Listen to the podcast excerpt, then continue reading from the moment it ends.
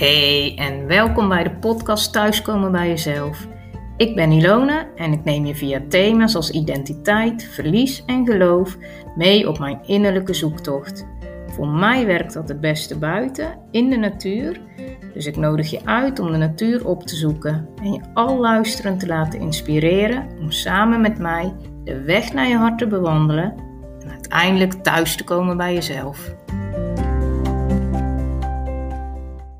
Nou, het is even geleden dat ik een eh, aflevering opgenomen heb.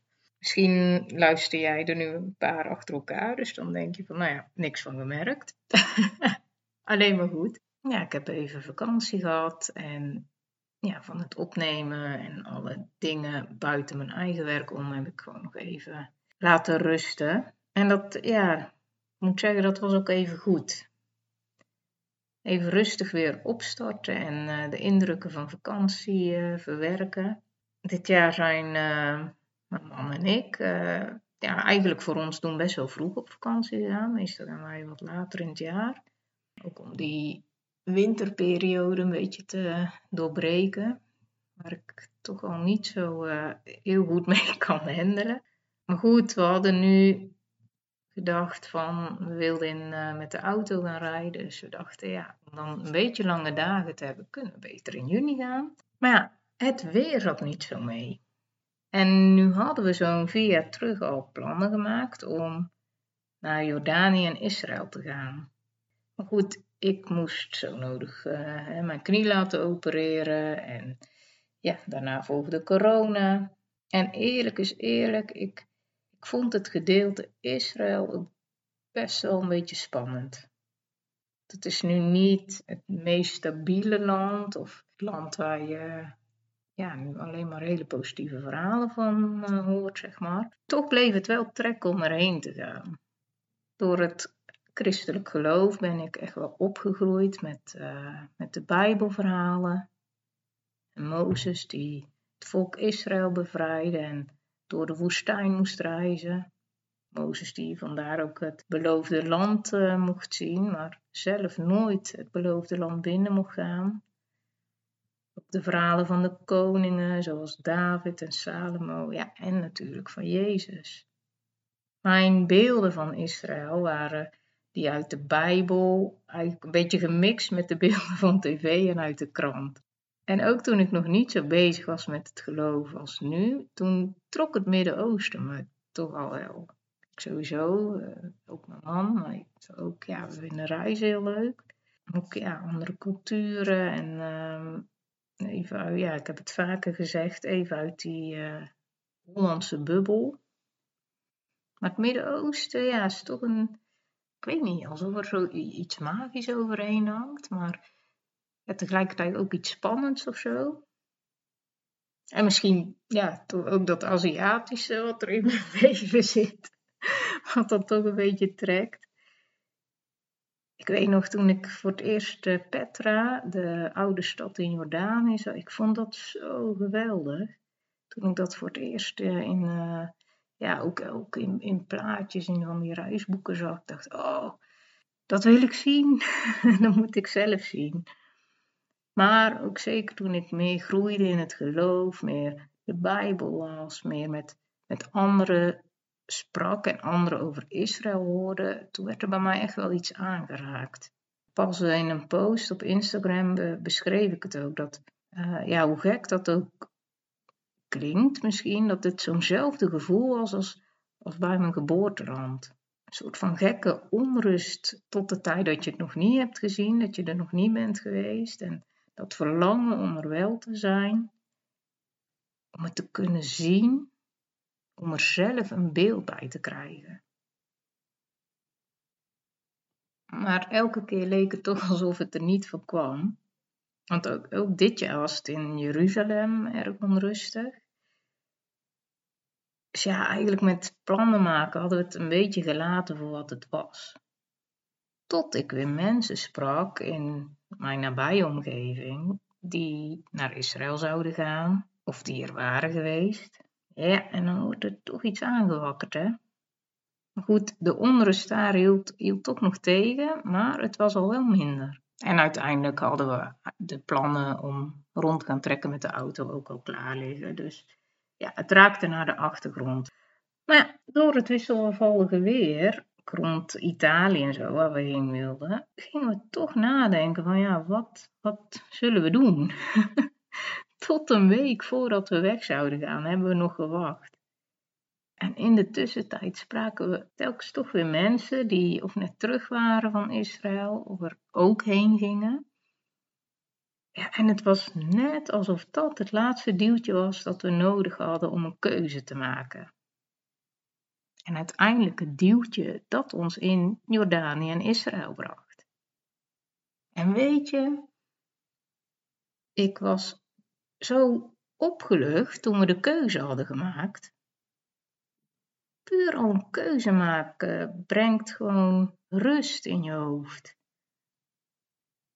Want ja, we waren van allerlei plannen eerst nog en dit of dat of oh, en overal aan het zoeken. Terwijl als je eenmaal dan die keuze maakt, dan kan je ook daarvoor gaan. Misschien herken je dat bij jezelf ook wel.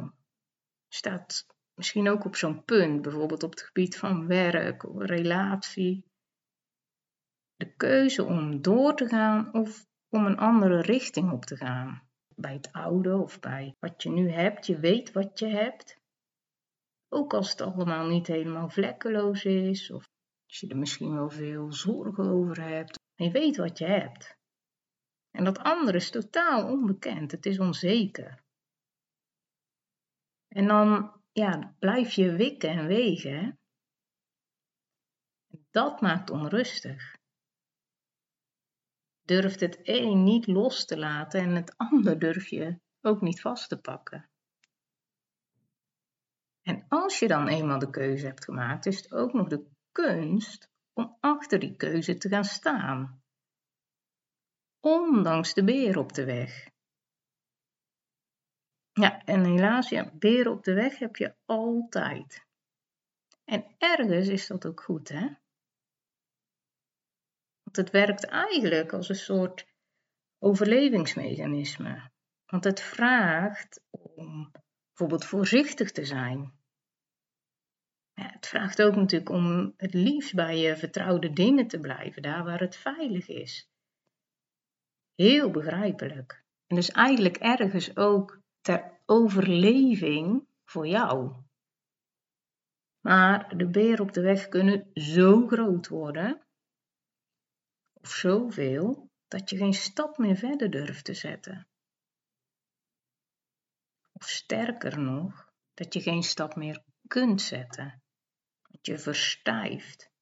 Kijk, wij hadden anderen nodig om, om ons beeld te veranderen. Om onze eigen, of nee, ik spreek voor ons, maar vooral de mijne. onze eigen, of mijn eigen gecreëerde beren weg te halen. Want ik weet niet hoor, maar volgens mij heeft dat toch iets met man-vrouw te maken of zo. Maar mijn man maakte zich in die zin echt heel wat minder zorgen. en eigenlijk gelukkig maar in dit geval. Want anders had het misschien nog langer geduurd. En dan heb je dus ook anderen nodig. Ik had dus ook hè, meer die, ja, een beetje de, nou, nonchalant wil ik niet zeggen, maar meer de ontspanning van mijn man nodig om, om een keuze te maken. En nou ja, ik zal je zeggen, we hebben echt een, een prachtige vakantie gehad. Echt, ja, beide landen zo doordrenkt van religie, van historie, van nou ja, heerlijk eten, mooie omgeving. We ontzettend veel mogen lopen, wat we heel graag doen. Maar ja, bovenal ook echte vriendelijke mensen. En dat maakt ook echt dat we ja, nieuwe herinneringen konden maken, nieuwe beelden. Ja, en ook beelden die dus niet altijd overeenkwamen met het beeld zoals het in, in mijn hoofd zat. Maar ja, is dat erg? Wat mij betreft zeker niet. Het is even schakelen en het opnieuw een plekje geven. Zo werkt dat met nieuwe indrukken. Het vraagt je om te schakelen. Soms zelfs om dingen los te laten. Oude herinneringen of ideeën. Of zelfs om oud en nieuw aan elkaar te verbinden. Dat is echt wel makkelijker gezegd dan gedaan. En vrienden van ons lieten eens het liedje van Bart Peters horen over het Zilvermeer. Ken je dat? Zoek het anders eens op. Ik moet eerlijk zeggen, ja, ik kende Bart Peters wel van, hè, van de tv, maar ik wist ook helemaal niet dat hij eigenlijk best wel veel muziek maakt. Laat staan ook echt wel hele mooie eh, muziek. Dus ik was ook echt verrast. En ik zal gewoon een stukje voorlezen van, uh, van het nummer. Mag helaas geen muziek laten horen, namelijk uh, iets met muziekrecht en zo. Hier komt ie, hè? In de zomer gingen we zwemmen. In het Zilvermeer. Met vriendjes en vriendinnetjes. En we zwommen op en neer. Het waren werkelijk gouden tijden. Aan het Zilvermeer in Mol. Die tijden zijn voorbij. En ze komen nooit meer weer. Ze zijn niet meer van goud. Ze zijn zelfs niet zilver meer. Hij zegt er zelf over van, je moet voorzichtig zijn met zeggen dat het vroeger beter was, maar nu ook weer niet te voorzichtig. Oftewel, je mag ook wel, ja, wel genieten van herinneringen. Ik postte pas een uh, foto op Instagram van uh, gemaaid gras. Dat beeld en de geur van gemaaid gras roept bij mij altijd herinneringen op. Ik, dan ga ik echt helemaal terug naar vroeger. Als je helemaal mijn uh, eerste aflevering hebt gehoord, nou, dan heb je gehoord dat ik van een boerderij kom. Ja, zeker in de zomertijd draaide echt alles om het gras en vooral om het hooien. En het weer was natuurlijk cruciaal, want ja, het hooi moest binnen zijn voor er buien gingen komen. Dan kwamen familieleden en vrienden helpen bij het opstapelen van de hooibalen. En ja, in, in mijn beeld was dat altijd een happening. Iemand reageerde op die post van dat het nu nog heimwee naar vroeger oproept bij het zien van hooibalen. Het blijft bijzonder hè, hoe sterk herinneringen kunnen zijn. Het je in één keer zo terug kan brengen naar een bepaald moment. Heb jij dat? Hè, waardoor kun jij echt teruggebracht worden naar een bepaalde tijd of een bepaald moment in je leven? Bijvoorbeeld door een beeld of, of muziek, of ook door, door, door een geur. Heb je recent nog misschien een bepaalde herinnering die zo naar boven is gekomen? Riep dat bij jou op? Want uiteindelijk zijn herinneringen altijd gekleurd, hè? Door je eigen beleving of door beelden van anderen.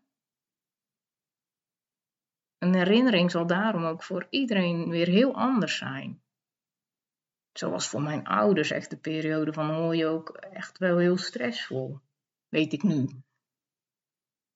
En als mensen in stress zijn, ja, dan gaat het er lang niet altijd even vriendelijk aan toe. Maar ja, dat beeld is zeker als kind niet het beeld wat blijft hangen. Want je houdt juist vast aan de, aan de mooie, fijne dingen. Zoals het liedje zegt, ja, herinneringen zijn herinneringen. Die zijn voor jou en van jou persoonlijk. Maar herinneringen komen ook niet meer terug. Kijk, en als het vervelende herinneringen zijn, is dat best een fijn idee, denk ik. Hè? Maar als het fijne herinneringen zijn, ja, dan kan het wel die, die heimwee oproepen. Zoals de, de persoon op Instagram ook zei. Ja, en wat doet heimwee? Heimwee maakt dat je terug wilt naar iets. Naar iets veilig, iets vertrouwds daar komt dat overlevingsmechanisme weer. Omdat ik nu heel groot op vakantie ga, zou ik bijna vergeten dat ik als kind heel snel last had van heimwee. Echt logeren vond ik zo spannend. Zelfs als kinderen bij mij sliepen, dan was ik onrustig. Ja, en wat doe je dan als ouder zijnde? Misschien herken je het zelf als je kinderen hebt, of misschien heb je het zelf gehad. Ja, er zijn momenten geweest dat ik werd opgehaald omdat het gewoon echt niet ging. Of dat ik er sowieso niet aan begon. Maar ik weet ook echt nog wel momenten dat ik stilletjes heb liggen huilen tot ik eindelijk in slaap viel. En wat was ik dan? Ja, zonder dat iemand het wist, stilletjes trots. En vooral ook, ja, echt wel opgelucht natuurlijk dat het was gelukt. En gelukkig werden die momenten steeds meer. Tot logeren geen probleem meer was. En ja, ik ook mocht gaan ontdekken dat het juist heel erg leuk mocht zijn. Ja, herinneringen zijn er om te koesteren, wordt wel eens gezegd, toch? Natuurlijk is dat heel afhankelijk van welke herinnering het is. Maar ik heb het woord koesteren eens opgezocht. En dan is het misschien van beide kanten zo, want koesteren is ergens heel zorgzaam mee omgaan. En iets waar iemand een emotionele band mee heeft. Dat geldt dus zowel voor nare herinneringen als voor fijne herinneringen. Want ja, ook terugdenken aan vervelende situaties vraagt om zorg. Het heeft aandacht nodig. Maar ja, nare herinneringen zul je wel sneller willen vergeten. Terwijl fijne herinneringen ook met zich mee kunnen brengen dat je erin blijft hangen. Beide kunnen dus eigenlijk teweeg brengen dat je blijft stilstaan. Want iets fijns wil je niet graag loslaten. En iets naar kun je vaak niet zomaar loslaten. Ik zie dit ook vaak gebeuren als mensen door grote veranderingen gaan of ervoor staan. En ik heb het zelf natuurlijk ook gehad. Maar niet alleen bij diegene zelf, maar ook bij de omgeving. Want ook bij de omgeving kan er weerstand ontstaan als er verandering in jouw leven voordoen. Want ook voor hen geldt dat zij het liefst vasthouden aan iets wat veilig en vertrouwd is. En dat maakt het soms lastiger om bewust eigen keuzes te maken of om 100% achter jouw keuze te blijven staan. Want dan wordt er aan je getrokken. En mensen maken jou verantwoordelijk voor wat zij voelen. En dan komen er ineens allerlei beren op de weg. Misschien eens beren van jezelf. Want alles wordt in het werk gesteld om het bij het oude vertrouwde te houden. Ook als dat vertrouwde niet eens altijd zo goed is. Herken jij dit als degene die hè, zelf een verandering doormaakt? Of misschien iemand in jouw omgeving die een verandering doormaakt? Weet dan ook dat de heimwee naar het vertrouwde helemaal niet erg is. Het is wel aan jou wat je met die heimwee doet. En geef je eraan over? En mag dat dan ook goed zijn? Of probeer je alleen door de heimwee te komen? Of heb je even zo'n pep talk nodig? Welke keuze je ook maakt, het is goed. Want daarin een keuze maken haalt al beren van de weg.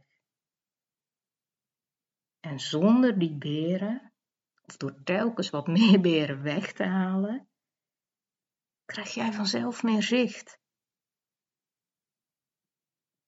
En ik zal eerlijk zeggen, een klein beetje heimwee blijf ik echt altijd wel houden heimwee naar het vertrouwde. Op vakantie altijd toch een beetje heimwee naar mijn eigen plekje, mijn eigen bed.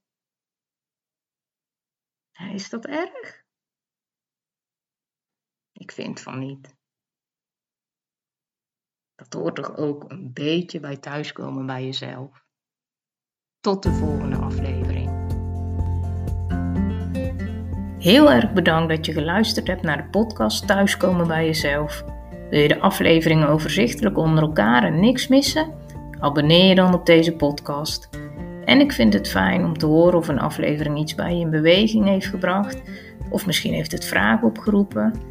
Je kunt reageren bijvoorbeeld via het contactformulier op www.issue.nl, ISYOU, of volg me op Instagram, Ilona Zonneveld.